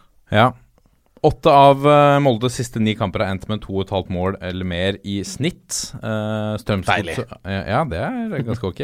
Strømsgodset har skåra to eller flere mål i fem av sine seks uh, siste hjemmekamper. Det tyder på at det kan bli et, eh, et målrikt oppgjør på, på Marienlyst. Eh, når vi også har sett hva de har holdt på med bakover, eh, godset, i det siste, så kan det tyde på at eh, her er fatet dekket for moldenserne. Samtidig så vet vi eh, hvordan, eh, hvordan de fungerer. De er jo avhengig av eh, Markus Pedersen sin eh, på-knapp, og den bør være påskrudd eh, når eh, de vel også skrur på flomlyset på, på søndag. Det bør han definitivt være, men jeg så den uh, Ranheim-godsematchen, og, og da satt jeg og tenkte at uh, Godset server jo ikke Markus Pedersen. Markus Pedersen er sammen med Niklas Bentner og Alexander uh, Søderlund Eliteseriens råeste spiss i boksen. Ja. Men han fikk ett innlegg mot eh, Ranheim. Det var av Kristoffer Togstad i, i første omgang. Jeg husker ikke at han fikk noen andre. Ett innlegg Mm. i løpet av 90 minutter. Uh, det holdt på å ende med scoring. Det burde egentlig vært scoring. Det var en, en dårlig avslutning av Markus Pedersen. Men han må jo få 10-15 innlegg hver match. Mm. Og da skårer han to mål, han. Ja. Sant? For han er så rå i boksen. Eh, så Godset må Godset gjorde en grei match mot eh, Ranheim. Fikk med seg et poeng der etter at Tokmank skårte på, på, på overtid. Men eh, Ehm, de er fremdeles langt unna å spille opp imot eh, makspotensialet sitt og, og prestere på den måten som vi vet Bjørn Petter Ingebrigtsen ønsker at de skal eh, prestere. Eh, de kom veldig sjelden rundt på kant. Eh, det som har vært et varemerke under godset, eh, først under Dale, så under eh, BP tidligere, er jo eh, dobling Én ting er å spille indreløperne i mellomrommet, men òg doble på kant, komme til masse innlegg. Bekker som kommer rundt. Det skjedde veldig, veldig sjelden mot Ranheim.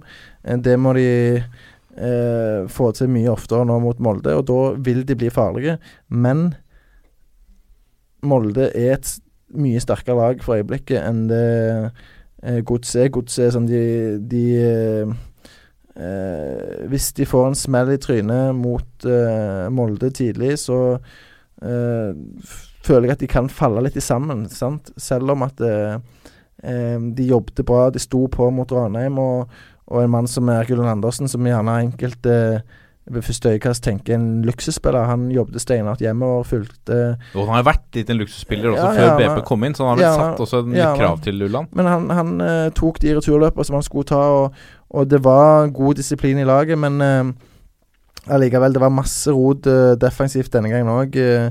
det var sånn I det ene øyeblikket så har eh, eh, Kim Madsen et par eh, fantastiske blokkeringer.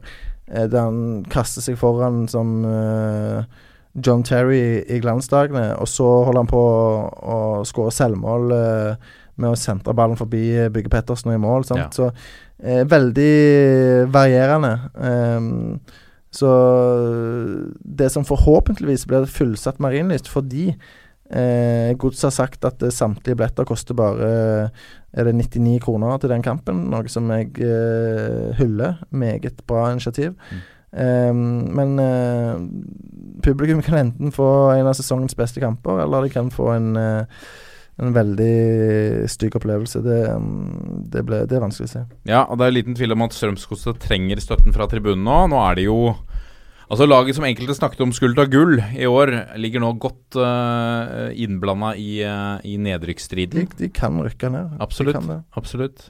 Ja, så vinner uh, et par av lagene bak der, og godset taper igjen, så er de jo nesten fort på kvalik. Ehm, du kan ta ballet videre, du. eh, Joakim Stabæk tar imot Ranheim på Nadderudgresset. Ja. Hvordan vil eh, Ranheim klare seg på, på De- matta der? De kan klare seg veldig bra. Eh, Ranheim er et uh, bunnsolid lag. Eh, det som er det kuleste med Ranheim, er jo at eh, sånn som i matchen mot eh, eh, Godset, så starter de med ti trøndere. Mm. Den siste på papiret, eh, som, eh, som da ikke er trønder, det er Mats Reginiussen, som, eh, som egentlig er blitt en trønder. Eh, så det er jo helt fantastisk og et eksempel til etterfølgelse for eh, alle andre lag. At det er noe som er mulig å, å eh, prøve, i hvert fall, å, å få til. Um, så så det, det liker jeg. Eh, Samtidig så spiller Ranheim eh, en utrolig bra fotball, uh, eh, som vi har sett nå hele sesongen. Uh, de, de kjenner eh, rollene sine og, og oppgavene sine, så det, det blir ikke noe nytt der. Stabæk eh, 0-0 borte mot eh, Tromsø. Et eh, Tromsø-lag som, som har slitt i lang tid, så eh, Sånn sett så kan du tenke at det var et eh, poeng som de burde ta, men det er aldri lett å, å komme til Alfheim. Så, så det blir interessant å se Stabæk nå på hjemmebane. Ehm, vi vet jo hva de står for uh, offensivt, med, med Moussa Njaye og, og Frank Bolli som har ni skåringer, og OI som, som uh, har til gode å, å, vise seg fra sin beste side. Så uh, potensialet er der. De kan og og bør egentlig, og må nærmest, ta tre poeng denne matchen her, fordi eh, de, må, de må gjøre det nå, spesielt på hjemmebane, for å berge plassen. Ja, og jeg, vi, vi snakket jo litt om Stabæk i stad. Jeg har lyst til liksom å, å legge til eh, et par ting der med, med tanke på Etter Henning Berg har kommet inn, ja, så har kanskje ikke poengfangsten fangsten vært Den kunne gjerne vært litt, litt større, men, men det å eh, Han har fått tilbake Moussa Njay fra, fra skade, som, som jo vi har snakket om ser enda bedre ut enn han var før han ble skadet. Eh, Frank Boli ser veldig bra ut, som du er inne på. De har også en O i, i, eh, på topp der. Altså, de har et, et, et bra offensivt register med en rekke talentfulle ung- unggutter på midtbanen bakover. Og så har de fått inn en matchvinner, som vi så mot uh, Tromsø, i Markus Sandberg eh, mellom stengene. Som de henta fra en benketilværelse i, uh, i Vålerenga. Og da kan man si at det er jo Stabæk-apparatets fotballforståelse eh, ved å kanskje hente en Altså eh, sende sin nåværende førstekeeper ut eh, døra og hente inn en, en reservekeeper, eh, som jo sto fast i, i Vålerenga før eh, Adam Larsen Karasai kom. Se potensialet der, sikkert sett en, rek en rekke rekruttkamper, og så hente han dit, og så står han den fantastiske matchen mot Tromsø. Ja, men altså det, Du kan godt hylle Stabæk-apparatets eh, fotballforståelse. Men eh, du kan jo også si at de er litt treige, da. For det er, det er jo en stund siden Sayoba var veldig god for Stabæk. Det har vært flere sesonger nå hvor han har eh, spilt langt under det nivået han var på for noen år tilbake. Så det, den, det skiftet burde kanskje Stabæk gjort for lenger siden. Men, kanskje det er det som har skjedd nå med Henning Berg, da. At ja, han har ikke sant, det, er kommet inn og kanskje, ja, tatt grep. det er jo Ja, men, akkurat det. jeg, men jeg vet at uh, Stabæk uh, har jakta en ny fiskekeeper i, i lang tid. De, eh, de prøvde jo hardt på Vilja Myhra. Uh, Henta han for Odd før uh, Gods endte opp med å signere han uh, på kontrakt fra og med neste sesong.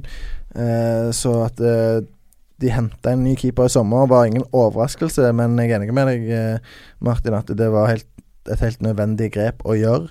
Eh, Sandberg eh, er en mye mer eh, samlende og, og rolig figur enn det Sayoba var, selv om eh, med Sayoba så har de mista en, en, en fin mann i gruppa, vet jeg. Men Sandberg har vært med på å eh, gjøre hele det defensive fundamentet mer eh, solid. Mm. Altså nå, og nå var det jo Det er jo ikke mange måneder tilbake det skal gå før det nesten var sånn at alle som uh, fulgte Vålerenga, ville ha et keeperbytte på Valle. De ville ha Sandberg inn og Larsen Karasei på benken, for det, Larsen Karasei gjorde en del blemmer, spesielt i vårsesongen. Eh, og Sandberg sto godt i andredivisjon. Han sto godt de gangene han fikk sjansen, og han var eh, god når han spilte for Vålerenga før eh, Larsen Karasei ble henta. Så at Stabæk har fått en veldig god keeper, det er det ikke noe tvil om. Nei. La oss gå videre til uh, Aspmyra og Bodø-Glimt, som tar imot eh, Start. Kommer Start til å plukke poeng her, uh, Bangsten? Det må de gjøre hvis de skal være i rute til 32 poeng, poeng som uh, Rekdal har satt. Er Ja, det- er ikke sikkert at det 32 blir uh, gangen i, i år for å holde seg. Det får man jo se, men uh, jeg tror jo ikke Start klarer å vinne den kampen her. Um, de er over direkte nedrykksplass i Eliteserien for første gang siden femte serierunde. Etter at de slo Lillestrøm, som vi nevnte, sa 3-0. Uh, og det blir ikke noe lett oppgjør det her, for Bodø-Glimt har fått sving på sakene, rett og slett. De har fem kamper på rad uten tap. Tre seire og to uavgjort. Kanskje litt sånn skuffende 1-1 borte mot Sandefjord sist, eh, men 3-1-seier hjemme mot Sarpsborg 08 i kampen før det var solid. De er gode på Aspmyra. Um, I Kristiansand i mai så vant Start 1-0. Da skåra Espen Børufsen. Han er ute med skade nå. Eh, Kevin Cabran nevnte vi i stad. Han er også skada i flere uker etter han kolliderte med LSK-keeper Maric i forrige runde. Fikk en lei vridning i kneet. Heldigvis ikke korsbånd, men eh, noe strukkede leddbånd på utsida av kneet eller noe sånt, mente jeg leste et eller annet sted. Det er et tungt tap altså for, eh, for Start.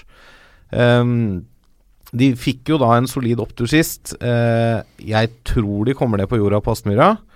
Eh, Bodø-Glimt er virkelig på gang og har mer eller mindre rista av seg liksom siste rest av nedrykksfare. De har 27 poeng og viser god form. Eh, Glimt kommer ikke til å rote seg ned i det der kjøret som blir de siste tre, fire, fem serierundene om at og nå puster nedrykksspøkelset oss i ryggen. eh, og det gjør de heller ikke om de skulle tape mot Start her. Men jeg tror Glimt er altfor solide. Eh, det er ingen av lagene som har karantener heller, men jeg tror, jeg tror Glimt rett og slett er altfor solide til å gå på en smell hjemme mot Start. Men at det blir en storseier til Glimt, det tror jeg ikke. For Reka har, har fått mura igjen litt i dette startlaget. Men jeg tror Glimt har kvalitetene til å, å vinne den kampen uh, greit. Men Start har verdens beste spiss, vet du. De har det. Men jeg ser heller ikke for meg at uh, vi skal få se tre-fire startseiere på, på rappen her. Eh, det er det ikke gode nok til. Eh, sånn som jeg ser det. Selvfølgelig kan jo ha ekstrem flyt, men eh, eh, Bodø-Glimt hjemme, det, det er tøft. Og jeg venter jo hver gang Bodø-Glimt spiller på et par kasser fra Kristian Fardal Opseth. Han, han har ni til nå. Fem opp til Markus Pedersen hvis han skal bli toppskårer, noe som jeg vel meldte tidlig i sesongen at det, når du spurte meg, eh, Martin, hvem blir toppskårer, så måtte jeg svare noen. Og da, da gambla jeg på han, og det kan jo ennå skje. Eh, selv om han har det gode på en måte å, å eksplodere denne sesongen her. Eh, så- Leverer jevnt og trutt. så han leverer jevnt og trutt, eh, men fremdeles så, så forventer jeg litt mer. Men eh, han kan fort eh, putte et par uh, mot start. Ja. Vi går videre til eh, Brann stadion. Eh, Sandefjord eh, gjester Bergen, og eh, de henta bl.a. Mohammed Fella i sommervindu. Fella har jo vært tydelig på at eh, de har ikke gitt opp i Sandefjord. Eh, det er Men det kan de gjøre. det kan, ja. Det kan Vi har sagt det før. Det er, Sandefjord er ferdig. Det er syv poeng opp til, eh, til eh, kvalik. Eh, Det er nok av lag som ser ustabile ut til at men, men det er klart, da må du jo vinne nesten. Altså Ja, nesten og, og i hvert fall uh, Den matchen her må være en av de klareste uh, seirene sånn sett i, i forkant av runden uh, denne sesongen. Hvis Brann ikke tar tre poeng mot Sandefjord, så kan de ikke forvente å eh, ta seriegull heller. De må vinne den matchen der. Det tror jeg de gjør. Selvfølgelig, det kan bli en slitseier eh, med, med ett mål, men eh, jeg klarer ikke å se noe annet utfall her enn at eh, Brann eh, tar den matchen. Det er jo et sånn klassisk bananskall, da. Ja, Det er jo det. Sandefjord kommer dit kanskje bare sånn Ja, ok. Men da må- altså, Sifuente sa det jo etter kampen nå, uh, mot Bodø-Glimt. Siden vi ikke vant den kampen her, nå blir det vanskelig. Ikke sant? Det, da, ok, greit. Da innser de på en måte realiteten. Det kan gjøre noe. Det, da kan du senke skuldra litt. Ok, da får vi bare spille og avslutte sesongen. Bare kose, gå ut og kose oss. Det kan bli et bananskall for Brann, som kjemper om noe stort. Men da må eh, Sandefjord ha ekstrem glid her. Da må det være eh, rødt kort og, og straffeskåring eh, Syv mann i forsvar. tidlig. Og, Kontring 0-1. Ja, Ferdig. selvfølgelig. Det har, Skjedd før. Det har Skjedd skjedd, før. det har skjedd større under, men eh, da ble jeg eh, meget overraska. Ja. Rosenborg tar imot Sarpsborg 08 Vangstein. Det er jo to lag som skal ut i Europaligaen denne uka. Hvordan vil det prege dette oppgjøret, tror du? Nei, det, det, det blir jo nesten det samme, selv om Sarpsborg får jo lengre reisevei. Det er litt lengre å reise til Istanbul fra Sarpsborg enn der for Rosenborg å reise direkte til Glasgow, og de skal da opp til Trondheim. Eh, jeg tror ikke det har så mye å si for den kampen her, for det er to lag med helt motsatt formkurve som møtes.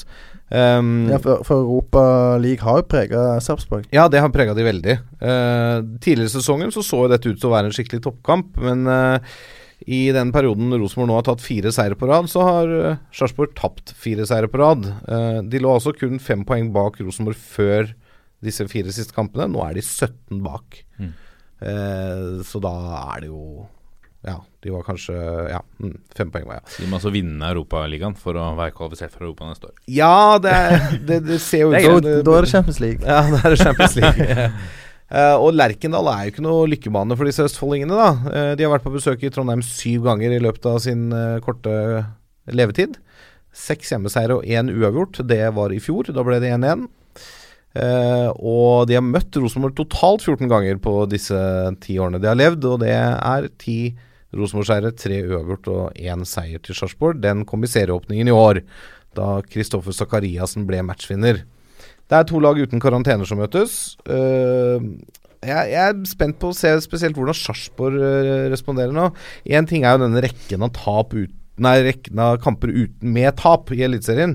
Men uh, den heksegryta i Istanbul, som uansett åssen den kampen egentlig går, så er det litt sånn Dette kan være din livskamp, da. for masse av disse Sarpsborg-spillerne. Eh, Det er en helt ny opplevelse. Jeg vil ha tappa de for en del energi. Ja, det, det kan nok hende. Eh, Får jo håpe det ikke gjør det, da. Men eh, det, det er jo lett å tenke sånn, i hvert fall. Men de må jo i hvert fall suge på den karamellen da, og liksom bare nyte muligheten til å på en måte måle krefter med de Ja, beste lagene i Europa, med et storlag i Europa. Fordi de må snart begynne å ta litt poeng om de skal håpe om å kvalifisere seg til den samme runden eh, neste sesong. Eh, Rosenborg skal jo på sin side nok en gang til Celtic Park. Dette er tredje gang de er der på de eh, siste to sesongene. Eh, så det begynner å bli en sånn vanesak at Rosenborg og Celtic møtes i Europa. Jeg har rett og slett Rosenborg som storfavoritter til denne kampen her. Toget ruller mot seriegull. Eh, jeg tror de tar seriegullet. Og de er kommet inn i den stimen at de bare vinner og vinner og vinner i Eliteserien. Eh, det er, de har flere kamper igjen. Altså jeg tror det er 15 kamper mot eh, Eller potensielt 15 kamper hvis de går til cupfinalen, mot Branns 8 uh, fram til serieslutt. Eh, jeg tror fortsatt at de tar seriegullet, selv om de har en betydelig tyngre kampbelastning nå på, i september, oktober, november. Issam Jebali. Vi kan ikke avslutte denne podkasten uten å nevne det vi må nevne han. For, altså, ja, For en type. for en type og for en spiller. Han var, han var ikke veldig god på Intility, men han dukker opp etter 94-48, eller hva det var. en vill avslutning. En helt vill avslutning på bakre der, hvor det selvfølgelig glipper i alle Altså det er total hjerneblødning i Vålerenga-forsvaret der. Men han, han frigjør seg, får det rommet han trenger, og bare mukker han inn. Fantastisk avslutningsteknikk, og han har virkelig uh, vist seg som et fantastisk kjøp. Og, det, og også på, selv om han spiller på den andre kanten, så har han gjort tapet av uh, Pål André Helland uh, Og Samuel Adegbenro. og Samuel Adegbenro. Litt som du har jo egentlig glemt begge de to litt. Grann. Mm. Altså, nå har ikke Helland spilt veldig godt og prestert over tid på egentlig lang tid, men han har alltid vært i miksen, på en måte. Og du har alltid snakka om han, at jeg nå savner dem Helland, men nå altså ja, Du nevnte Adegbenro, jeg har nesten ikke tenkt på den på mange uker, ikke sant, fordi Jabali kan bare komme til å Hvor bra vil ikke det, dette se ut da når Adegbenro kommer tilbake og kan spille på Altså, motsatt kant? Adeg, og, Adegbenro er jo enda råere enn Jabali rent eh, fysisk. eh, altså gjennombruddskraften? Ja, ja gjennombruddskraften til, til Adegbenro er jo mye råere sånn sett. eh, Og så er eh, fremstår Jabali som en eh, mer skolert eh, og bedre avslutter enn Adegbenro. Eh, men selvfølgelig å, å ha de på, på hver sin kant med, med f.eks. Bentner i midten, det er jo Det er jo nesten for drøyt til å være i Eliteserien. Eh, men Det blir eh, seriegull neste år òg, vet du. Hæ? Blir seriegull neste år òg, vet du. På Ja. det jævla Rosenborg. Ja, men Men, eh, men eh, Jibali er jo en type som, som kom inn nå i sommer og, og bare sprer selvtillit sant, til hele Mm. laget.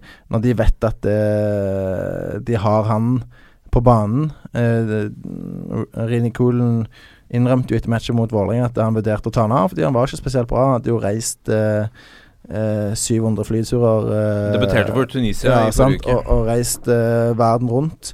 Eh, så han var gjerne litt sliten og, og virka egentlig litt sånn uinspirert og, og litt arrogant, tenkte jeg, og, med, med, med ballbehandlingen. Men så har han denne kvaliteten til, til, å, til å avgjøre matcher, og, og det er bokstavelig talt gull verdt for eh, Rosenborg. Kan i hvert fall bli det.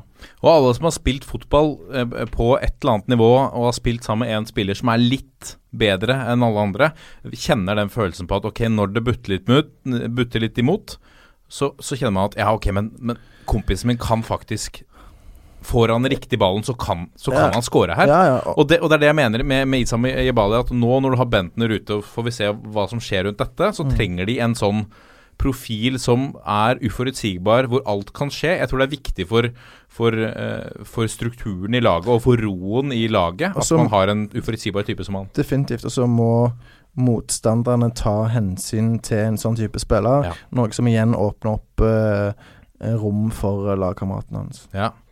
En eh, strålende profil. Uh, Bjørneby sa vel også at de har jobbet med å kartlegge han i nærmere et år. Ja, så de har jo, gjort et eh, grunnarbeid der. Sjefsspeider Halvard Thoresen eh, sitt eh, funn, dette her, visstnok. En, eh, en stor eh, profil eh, uten tvil. Vi gleder oss til å se mer av Isam Shebali. Nå har han fire målpoeng på fire matcher i Eliteserien, i tillegg til altså, den kremskåringa i, i Europa. Chippen fra, fra 20 meter. Frekk liten lobb, da. Frekk liten lobb. Vi skal ta, den, ta for oss den siste kampen. Den elskede og hatede mandagskampen mellom Lillestrøm og Tromsø på Åråsen. En nøkkelkamp. altså Nå er det cupfinale for Lillestrøm hver eneste runde. Det er ikke tvil om det. De møter et Tromsø-lag som jeg også snakket om i eh, forrige episode, som Når man ser på formtabellen deres, så har de snudd en negativ trend til noe positivt. De har likevel kommet seg gjennom en negativ eh, eh, formkurve og ligger fortsatt bare på niendeplass. Så de er, eh, de er fortsatt et godt stykke over uh, noen nedrykksstrid. Og jeg mener også det er et viktig poeng at i i De hadde jo fem kamper eh, med tap på rad her. Men eh, det er viktig å ta med at det innebar eh, tap for Rosenborg borte, tap for Haugesund, ikke noe lilleputt eh, det heller. Tap for et Vålinga i storform, og, og tap eh, i eh, dette slaget om Nord-Norge mot Bodø-Glimt, som er en kamp hvor alt kan skje, og et Bodø-Glimt også på vei opp. Nå har de jo tatt uh, først en, en seier borte mot Godset, selv om Godset er i fritt uh, fall, har i hvert fall vært det nå i høst så er det uansett imponerende å vinne 4-2 på Marienlyst. Uh, så fulgte de opp med 0-0 hjemme mot et Stabæk også, som på en eller annen måte er litt på vei opp, i hvert fall etter at Henning Berg tok over. Ja, så var jo nevnt Sandberg fantastisk i den kampen. Ja, så de mange vil vel si at han burde, de burde vunnet Tromsø. Um, så, så jeg er eh, Hvis man ser formen under ett, så er eh, Tromsø Altså pila der er på vei til å peke i riktig retning. Det er den jo ikke med Lillestrøm, med denne helskrellen borte mot Start som vi har snakket om. 3-0 i sekken, som vel ikke ga et helt riktig bilde av hvordan den kampen egentlig var. Rekdal var jo også ærlig på det at Start var ikke tre mål bedre enn Lillestrøm. Men det er jo det som ofte skjer når det først butter imot og lagene kommer fram for å prøve å ta Få inn en redusering eller en utligning. Um, nå står Lillestrøm med én seier på sine tolv siste kamper, og uh, det er uh, Jeg begynner også å, å jeg, jeg må si at eh, jeg ønsker jo at eh, Lillestrøm skal forlenge den eh, lange tradisjonen de har med å holde seg i Eliteserien, men det ser ganske tøft ut uh, her nå. Eh, de er også ligaens nest eh, svakeste hjemmelag. Kun to seire og seks uavgjort på ti forsøk. Og kun skåra ni mål på, på Åråsen i år. Du får igjen uh, Kippe og Lene Olsen. Det er meget viktig. Lene Olsen hadde vel seks mål på sine siste åtte før karantenen. Han har uh, fått det til å løsne litt. Og Og er jo en, en sånn type profil som de trenger å lene seg på. Absolutt. Og så mister de da mest sannsynlig Erling Knutson til denne matchen. Ja, og Marius Amundsen er jo selvfølgelig også suspendert. For uh, Tromsø så er Runar Espejord uh, ute. Um, Og det er et stort tap. Han har vært for mye skada, dessverre, denne sesongen. Men de gangene han har spilt, så har han jo vist klasse. Absolutt. Statistikken mellom disse to er i Lillestrøms favør. Fire, fire seire, null uavgjorte og to seire til Tromsø på de siste seks oppgjørene lagene imellom. Jeg, hadde dette vært Arna Erlandsen som hadde ledet dette laget, så hadde jeg trodd på et, uh, en hjemmeseier, kanskje en uavgjort. Det er, litt, uh, det er nesten litt sånn at de skulle hatt Erlandsen for å kjempe mot Nerik, for da tror jeg ikke de hadde rykka ned. Mm. Et Ja. litt pussig paradoks, akkurat det. Det har jo, som vi har vært inne på, poengfangsten har jo ikke blitt bedre med Jørgen Lennartson. Et, et poeng her er jo det at Tromsø er et kunstgresslag som nå kommer på en uh, naturgressbane på høsten. Ja. Eh, klokka sju på mandag. Det kan være ganske fuktig og, godt på det, og tungt på det gresset på Åråsen da, altså. Men den banen ser heldigvis bedre ut enn den gjorde store deler av høsten i fjor. Ja da, så det er litt eh, enklere å spille fotball her nå. Og jeg er litt sånn ambivalent at det, du sier at du håper Lillestrøm holder seg og forlenger rekka. For jeg er drittlei den rekka og skulle gjerne hatt dem ned pga. det. Ja. Men samtidig så har jeg ikke lyst til å miste dem, for jeg syns i kampa Vålerenga-Lillestrøm, og for så vidt også Lillestrøm-Rosenborg, de er så morsomme. Det er så trøkk rundt de kampene at de, de, du har ikke lyst til å miste det fra Eliteserien. Uh, så det, jeg er veldig ambivalent til hva jeg ønsker hva Jeg gjelder Lillestrøm. Altså, for de som har hørt meg være kritiske til, til Lillestrøm her, må ikke misforstå. Jeg har ikke noe Jeg har selvfølgelig ingenting imot Lillestrøm som, som klubb. Det er en eh, tradisjonsrik eh, og, og en veldig bra klubb, men Ehm, jeg er bare skeptisk til om de uh, har det som skal til for å holde seg uh, denne sesongen. Jeg våger følgende påstand. Ok. Morten Stokstads sølvtips går ikke inn. Det tror jeg Han meldte jo det Godt, før eh, sesongen, at. Lillestrøm skulle kjempe om medaljer, og sannsynligvis tok sølvet bak Rosenborg. Det er mageplask fra, Det er fra stokken. Plask, ja. Det må vi kunne si. Hei, Morten. Hei til deg, Morten. um, det var vel det vi hadde for denne uka. Det må være greit. Det må være greit det. nå. Får holde det. Det får holde. Ja. Det er spennende oppgjør i, uh, i flere ligaer. Altså er det altså Bare å avslutte med det. Det er jo kjempespennende med de kampene i morgen torsdag. Kanskje når du hører rett før du hø- hører dette, eller rett Europaliga. Europaliga. Selvfølgelig. Besiktas, Sarpsborg 08 og Celtic Rosenborg. Ja. Benk deg ned foran TV-en hvis ikke du er på tur med laget ditt, og se Aller helst dra til Tyrkia.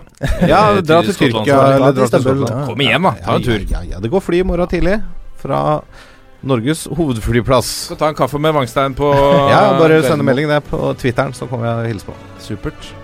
Vi er Toppfotball på Facebook, Twitter og Instagram. Send oss gjerne en mail på toppfotball at 451.no med forslag til hva vi skal prate om. Det syns vi er veldig moro. Så må vi avslutte som vi pleier å gjøre på 1, 2, 3. Vi er i! Ha det!